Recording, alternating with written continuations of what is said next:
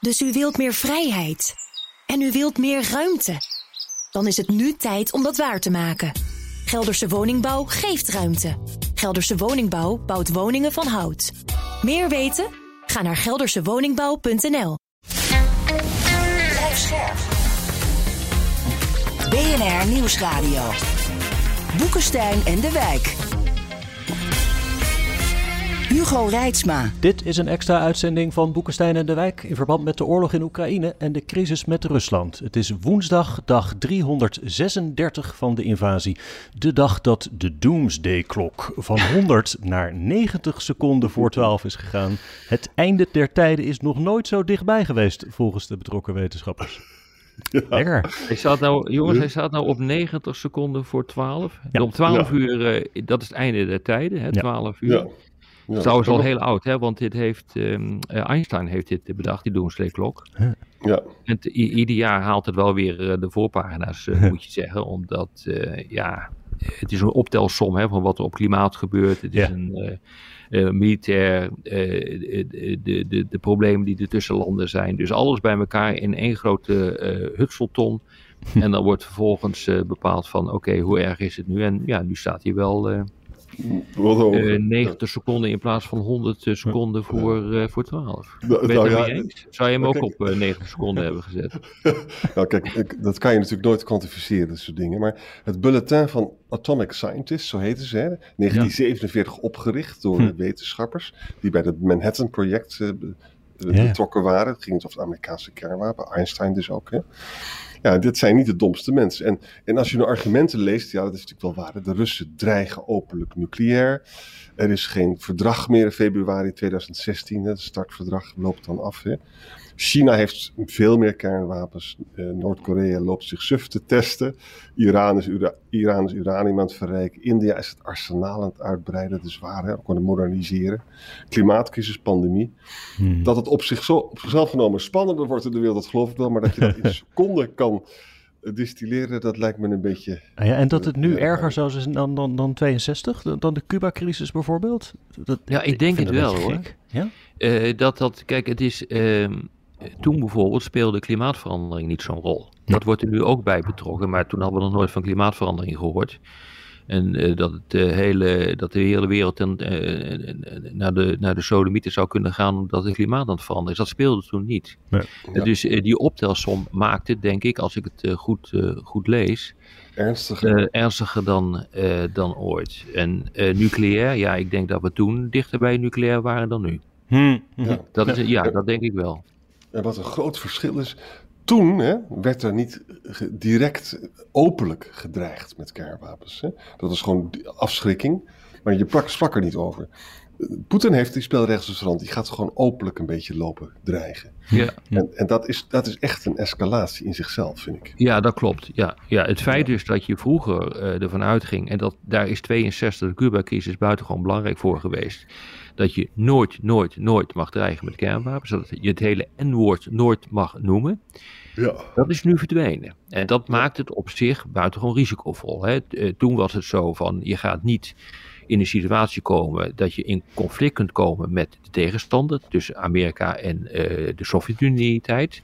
En nu zeg je, nou je mag best wel een beetje in conflict komen, want kernwapens zullen verder escalatie tegengaan. Mm -hmm. Ja jongens, dat is wel echt een omkering van uh, de zaken van uh, de Koude Oorlog. Want dit zou je tijdens de Koude Oorlog nooit hebben gezegd, omdat dat gewoon te risicovol is.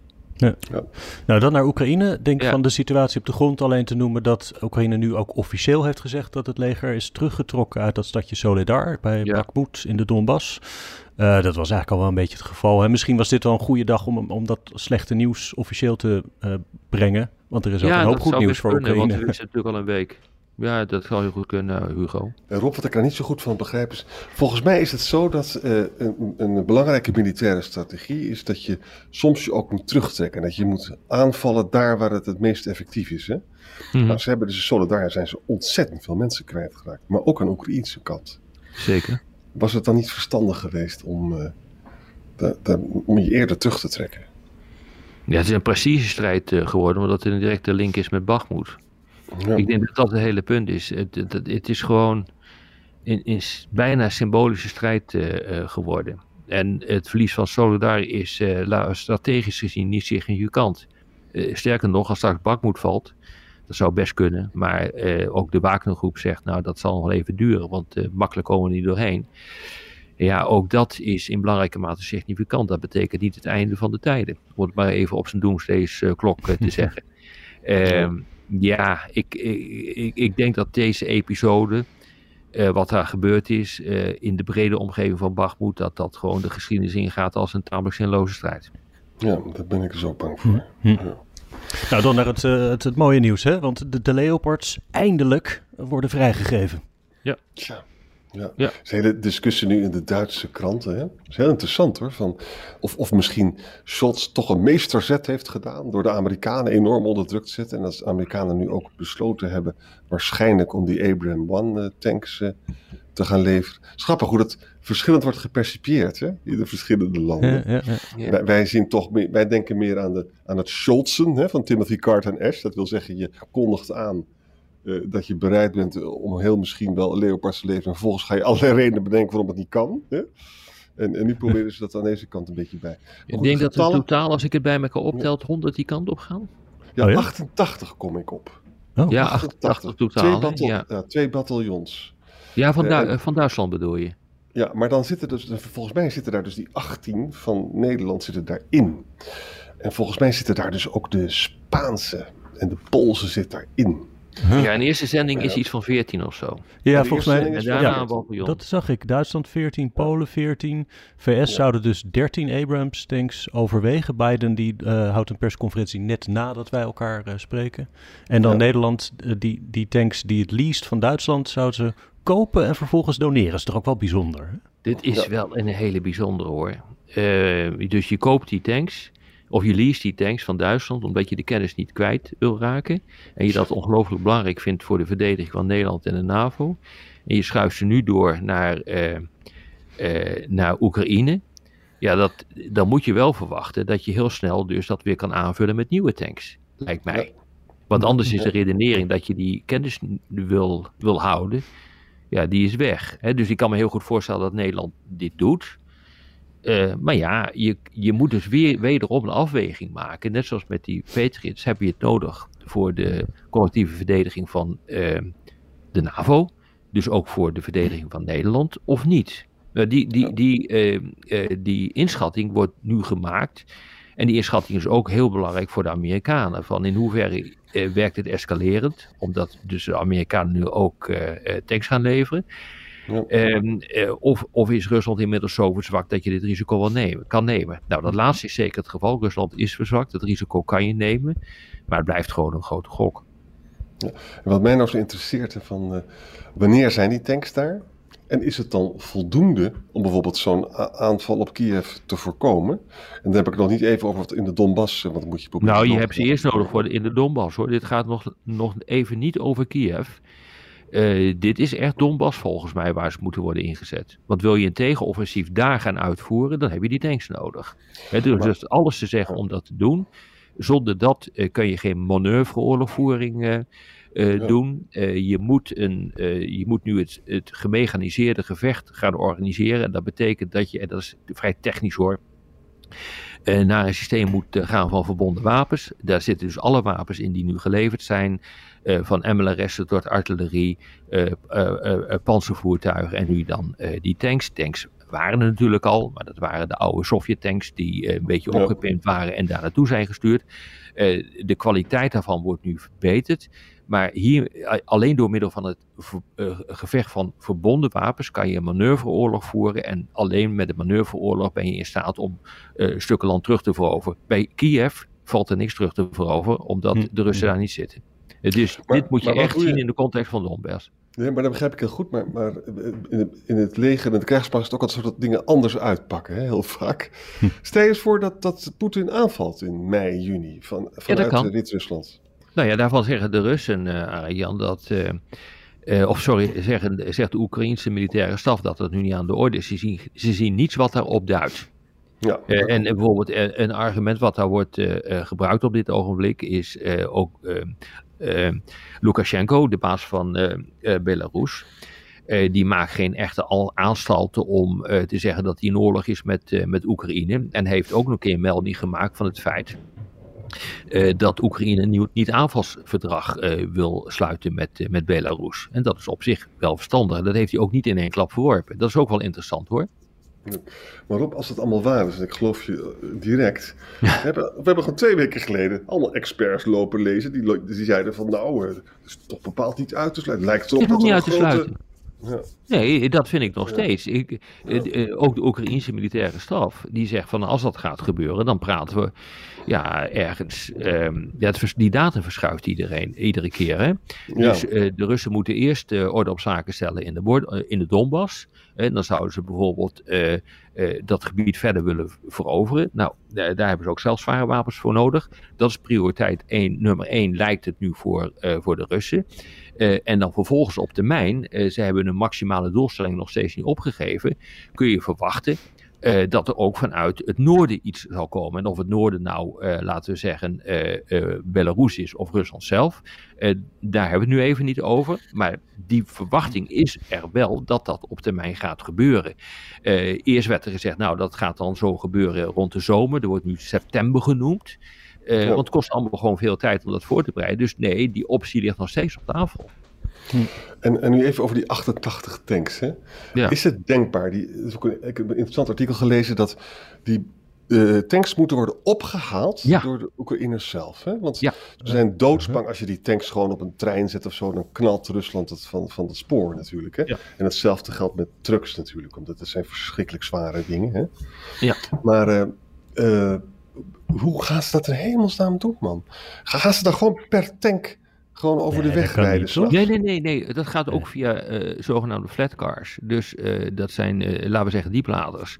Maar het gaat ook met de trein. Alleen wat je dus niet wil, is dat als die konvooien worden bestookt door de Russen, en dat kan, ja, ja, ja. hoewel het wel steeds lastig is hoor, omdat ze toch nou niet echt uitblinken in goede inlichtingen en het goed kunnen positioneren van hun eigen wapensystemen. Uh, maar het, blij, het, blijft natuurlijk uh, mogelijk. Dan wil je gewoon absoluut niet. En ook niet op het grondgebied van de NAVO. Dat daarmee NAVO-militairen omkomen. Dat wil je dus niet. Nee, het is wat, wat je. Dat bericht wat je aanhaalt, ik heb het ook gezien. Dat is wel veelzeggend hoor. Ja. Want er wordt, nou ja, goed, die discussie over escalatie loopt natuurlijk al een jaar. maar de Amerikanen zijn er ongelooflijk beducht voor. En dit is ook een besluit dat genomen is om in ieder geval niet in een situatie kunnen komen dat er ongewenste escalatie plaatsvindt. Mm ja. die risico's zijn gewoon groot. En de Amerikanen vinden dat die risico's groot zijn. En eh, die worden groter naarmate ook de logistiek ingewikkelder is. En dat is natuurlijk iets waar de Amerikanen continu tegenaan lopen te hikken. Vooral als je de Abrams tanks uh, gaan, uh, gaat leveren. Dat, dat levert en ook door de afwijkende brandstof die daarin gaat. Dat is gewoon vliegtuigbrandstof.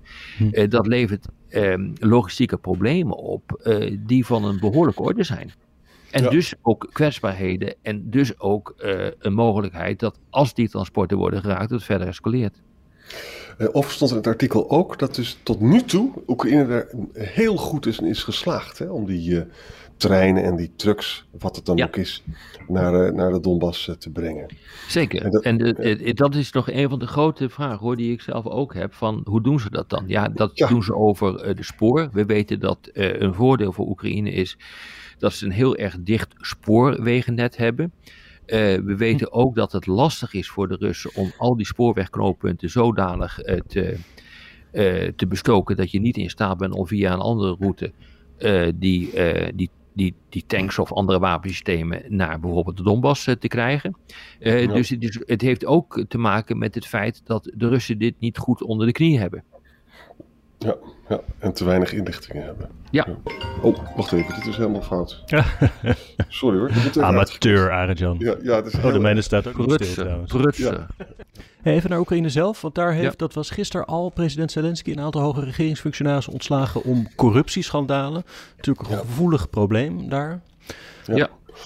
Nou ja, weet je, het, is, uh, het zou natuurlijk verba zou verbazingwekkend zijn geweest als, als er geen corruptie was geweest. Hè? Hmm. Want laten we wel zijn, als je zoveel geld ontvangt, en denk eventjes aan Afghanistan, hè, wat we daar aan miljarden hebben verbrand, hè, dat leidt automatisch tot, tot corruptie. Hè? En het feit dat, uh, dat in ieder geval nu uh, Zelensky daar schoon schip mee maakt, lijkt me heel belangrijk. Dat doet hij ook zeker met het oog op de wapenleveranties, denk ik. Mhm. Het is ook als je er diep in gaat, het is nou niet, eh, ja, ik weet het niet hoor. Eieren zijn voor drie keer de prijs ingekocht, weet je wel. Voor, voor, Niet mhm. voor de troepen, maar voor de, voor de mensen die, die, er, die, er, die voor de troepen werken. Als je dat doet met genoeg eieren, dan heb je nog steeds een groot bedrag, denk ik. Ja, ja en, dan, en dan rijdt een jongen met een SUV rond die erg mooi is. En, hmm. En er is ook een, een, een, man geweest met een vriendin met een fitness. Uh, weet je wel, dat, dat soort verhalen ja, dat zijn het. Allemaal dus. het, dat is allemaal het punt nog niet. Kijk, wat er nu gebeurd is met die plaatsvervangend uh, minister van Infrastructuur. Nou, dat, dat schijnt toch wel een. dat is een. Een, ja, dat zijn 400.000 euro en zo is daarmee met, met omkoping gemoeid. Uh, voor, uh, laten we zeggen, het afgeven van contracten en dat soort zaken. En dit ging hier in het kader van uh, de machine aankopen, gerelateerd aan gas of warmte, water, licht, dat soort, dat soort dingen. Dus er wordt hier wel gebruik, misbruik gemaakt van, ehm, van de noden van de Oekraïnse bevolking. Hm. En daar proberen natuurlijk een aantal mensen aan te verdienen. dus dat is gewoon echt wel, dat is echt wel foute boel. Hoor. Maar realiseer je, het is het meest corrupte land in Europa, nog steeds hoor. Uh, het staat op gelijk Als je Rusland niet meetelt, hè? Ja, het ja, uh, staat op gelijk niveau met, uh, met Colombia en Brazilië. Het is nummer 122 nog steeds hoor. Van de corruptie-index van 180 landen. Ja, denk niet dat je dit in, op een achternamiddag regelt. Mm -hmm. Exact. En er zijn toch wel 1, 2, 3, 4 plaatsvervangend ministers hè, die weg zijn. Vijf regionale bestuurders. Ja. En jongens, bedenk ook dat Zelensky zelf, toen hij dus aan de macht kwam, in zijn campagne wilde hij dus Oekraïne schoonmaken. Ja. Maar hij was dus sterk gelieerd aan Igor Kolomoisky, die miljardair, die oligarch. Die had dus ook een tv-kanaal waar zijn buitengewoon succesvolle uh, tv-serie werd uh, vertoond. Hè? Hm. En daar verdiende Zelensky heel veel geld mee, die Kolomoisky ook. En, en, toen kwam natuurlijk die vreselijke Pandora Papers, die dat allemaal precies in kaart brachten. Dus een deel van de revenue die gingen naar Belize en naar Cyprus. Toen heeft Zelensky vlak voordat hij president wordt, heeft geprobeerd dat op een afstand te zetten. Maar dat is niet helemaal gelukt. Hè? Dus dat, dat soort dingen, hm. ja, die, die gebeuren er. Ik denk wel dat uh, mocht Zelensky nou mocht die oorlog toch heel goed uitpakken voor Oekraïne, heeft hij misschien het charisma om daar daadwerkelijk wat aan te doen. Maar kan je één ding vertellen? Ik heb er een heel boek over geschreven als ontwikkelingssamenwerkingswoord. Er is niet zo moeilijk om uit te roeien als corruptie. Hmm. Ja, dat is nou ja, een, wat mooi is op dit ogenblik is dat in 22 vorig jaar het aantal zaken, uh, het aantal aanklachten enorm is toegenomen. Ik heb even die statistieken gezien. 109 ja. aanklachten in 42 zaken, dat is een record. Uh, je ziet nu echt dat er wel werk van wordt gemaakt. Maar jongens, uh, stel je voor dat ze zakken van de 122e plaats aan de 60e plaats. Dat, dat, is, een, dat is een mega onderneming. Dus hm. je, je bandt corruptie ook niet zomaar uit. Maar het, het goede is dat het lijkt alsof het nu wel wordt aangepakt. Mensen worden op zijsporen uh, gerangeerd. Is trouwens ook niet het, het, de eerste keer dat dit gebeurt. Uh, maar moet gewoon kijken hoe dit, hoe dit eindigt. Maar wat we wel weten is dat die, dat die oligarchen wat minder corrupt zijn geworden. Omdat corruptie nu ook wel als antipatriotisch uh, wordt gezien. Dus dat is ja. wel prettig. Maar goed. Ik vond het een, een hoopvol detail ook wel dat veel van die schandalen naar buiten kwamen door onthullingen van Oekraïnse media. En dat is natuurlijk, als, als de staat het niet goed aanpakt, is een beetje een bijtende journalist eh, is ook, uh, is ook handig in het aanpakken van zo'n probleem. En Slitsky zegt ook zelf, ik reageer dus op een oproep uit de samenleving om schoon schip te maken, zo zegt hij dan. En overigens mogen die officials mogen ook niet meer op vakantie, heb je dat gezien? Dus ja. je, je, moet gewoon doorwerken. Ja, ja nou ja, ook om, dat heeft ook te maken met de anticorruptiecampagne. Ik, het ontgaat mij even, moet ik eerlijk zeggen, van hoe je dat zou willen doen hoor. Dus de, landen, eh, de mensen binnen het land houden. Um, hoe je dat zou willen doen. Maar goed, ik, um, ik, ben heel benieuwd wat daar dan precies achter zit. En uh, wat voor, aan wat voor zaken er dan precies uh, wordt gedacht. Hm. Overigens, nog wel even geestig hoor. Realiseer dat in, uh, in Amerika dus een FBI meneer is opgepakt. Hè? Oh, ik zag ja. zoiets. Ja. bij Conical. die onderhield een relatie met een oligarch, die die overigens zelf onder controle moest houden. Meneer Derry Pasca, hoe je het ook uitspreekt. Oh ja. Grote jongen. Ja, dat was een grote jongen. En uh, die, uh, die heeft geprobeerd om uh, van de sanctielijsten te komen. En die FBI-official die heeft daar een rol kennelijk in gespeeld. Het is wel heel erg interessant hoor, dat die dus nu ook tegelijkertijd voor het gerecht wordt gebracht. Um, het is dus niet zo dat corruptie alleen maar in Oekraïne voorkomt. Dat is wel duidelijk. ja. ja. En gisteren hebben we natuurlijk uitgebreid al gehad over meneer Erdogan.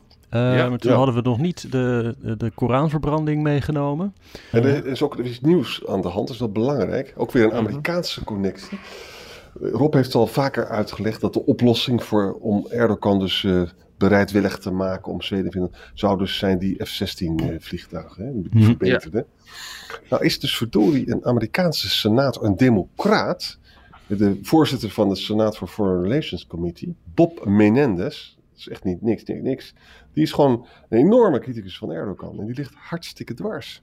Hmm. Uh, en dat is natuurlijk, Erdogan heeft natuurlijk ontzettend veel gedaan. Dus die oplossing is er dus niet. En dat verklaart dus ook dat Erdogan gewoon die poot stijf laat, blijft houden. Want hij wil die, druk natuurlijk zoveel mogelijk opvoeren. Ja, ja? dat, ja, ja, en wat je dus nu ziet is dat Finland, daar begint dus de discussie nu te lopen van moeten we nou alleen ja. NAVO-lid eh, worden? Lijkt mij heel verstandig om dat gewoon te doen.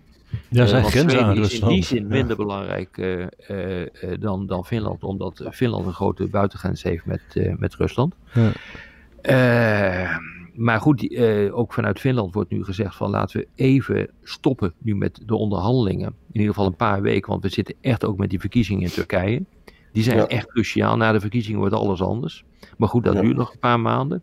In mei, mei ja. Ja, en kijk, als dit zo doorgaat. Kijk, realiseer je eh, vroeger had je bij de VPRO tientjesleden.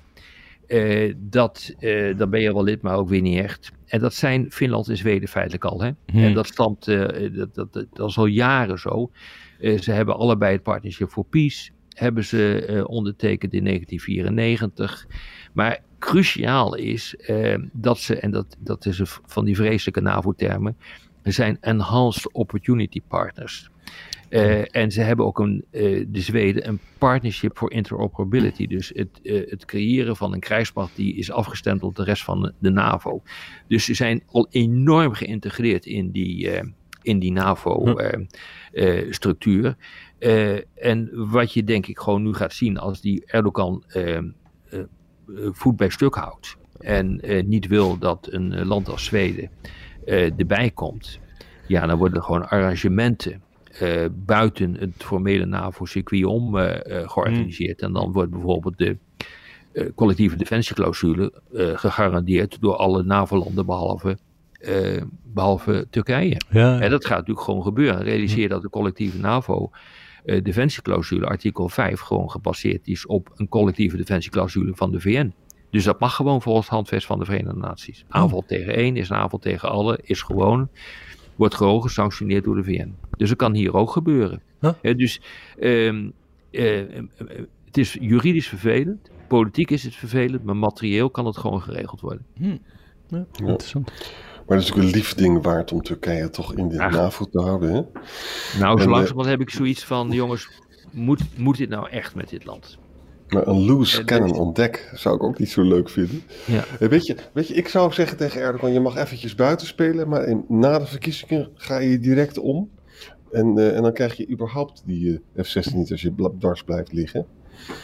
Nee, maar hij moet, hij moet om. Maar ja, het is allemaal electoraal. Het is allemaal electoraal. Ja, maar dit is gewoon, dit is niet oké. Want hiermee zet je dus feitelijk de hele Europese veiligheidsorde op het spel. Ja. Uh, ten, ten, ten, ten, ten gunste. Het kan niet zo zijn dat het verbranden van een Koran, en ik kan me voorstellen dat ze het allemaal heel vervelend vinden, de hele veiligheidsorde van Europa op, uh, ja, op, op de tocht stelt. Dat, dat kan gewoon niet het geval zijn. Nou, dat gebeurt nu ook. Uh, dus ik denk dat de consequenties uiteindelijk voor Turkije ook wel redelijk groot zullen zijn hoor. Hm. Dat denk ik ook, ja. En ik hoop heel erg dat Erdogan het niet haalt. Dat zou heel veel oplossen. Ja, dat, ja. Uh, andere dingen nog? Nou. Even kijken. Volgens mij. Nou, nog één heel kort dingetje van Armenië naar Korno-Karabach. Hebben we gisteren gedaan. Hè? wat er nog achter zit, jongens, dat was ik vergeten. Dat Armenië heeft dus gevraagd aan de EU om te bemiddelen. Hmm. En, en, en er is ook dus 23 januari is er dus ook echt een civiele missie van de EU, wist ik ook niet hoor, daar naartoe gegaan. En dat vindt Rusland natuurlijk heel erg vervelend. Dus een bondgenoot van, Armenië. Ja. Want wat namelijk, weet je, uh, de EU, uh, de peacekeepers, Russische peacekeepers die daar sinds 2021 zaten, die doen helemaal niks als de Azerbeidzjanen die, die corridor daar afsluiten. Uh, en nou is het dus wel zo, jongen, dat de, e er is dus nu een EU buitenlands beleid in de Zuid-Caucasus. Ja. Monitoren en patrolling en zo. Hm? Dan moeten we toch wel even in de gaten houden. Nog weer een gebiedje waar Rusland invloed aan het verliezen is. Ja, exact. exact. Absoluut, absoluut. Ja, want dat land Armenië is ook lid van die collectieve verdedigingsorganisatie die uh, Rusland met zijn oude Sovjet-republiek heeft opgericht na de onder, uh, na de ondergang van de Sovjet-Unie. Dat is niet onbelangrijk hoor, dit. Ja. Uh, dus het is politiek significant dat uh, als het klopt wat Arend Jan zegt, en dat geloof ik onmiddellijk, dat de Europese Unie zich daaraan positioneren is, dan heeft dat echt een grote betekenis. Ja. Zo'n EU-civiele missie met de prachtige naam AUMA. Hè? Ja. Dat betekent dus naar Armenië. Ja. ja. Hm, hm. Oké. Okay. Nou, dank weer voor vandaag. Ja, tot morgen jongens. Tot morgen. Tot morgen. Dus u wilt meer vrijheid en u wilt meer ruimte? Dan is het nu tijd om dat waar te maken. Gelderse Woningbouw geeft ruimte. Gelderse Woningbouw bouwt woningen van hout. Meer weten? Ga naar geldersewoningbouw.nl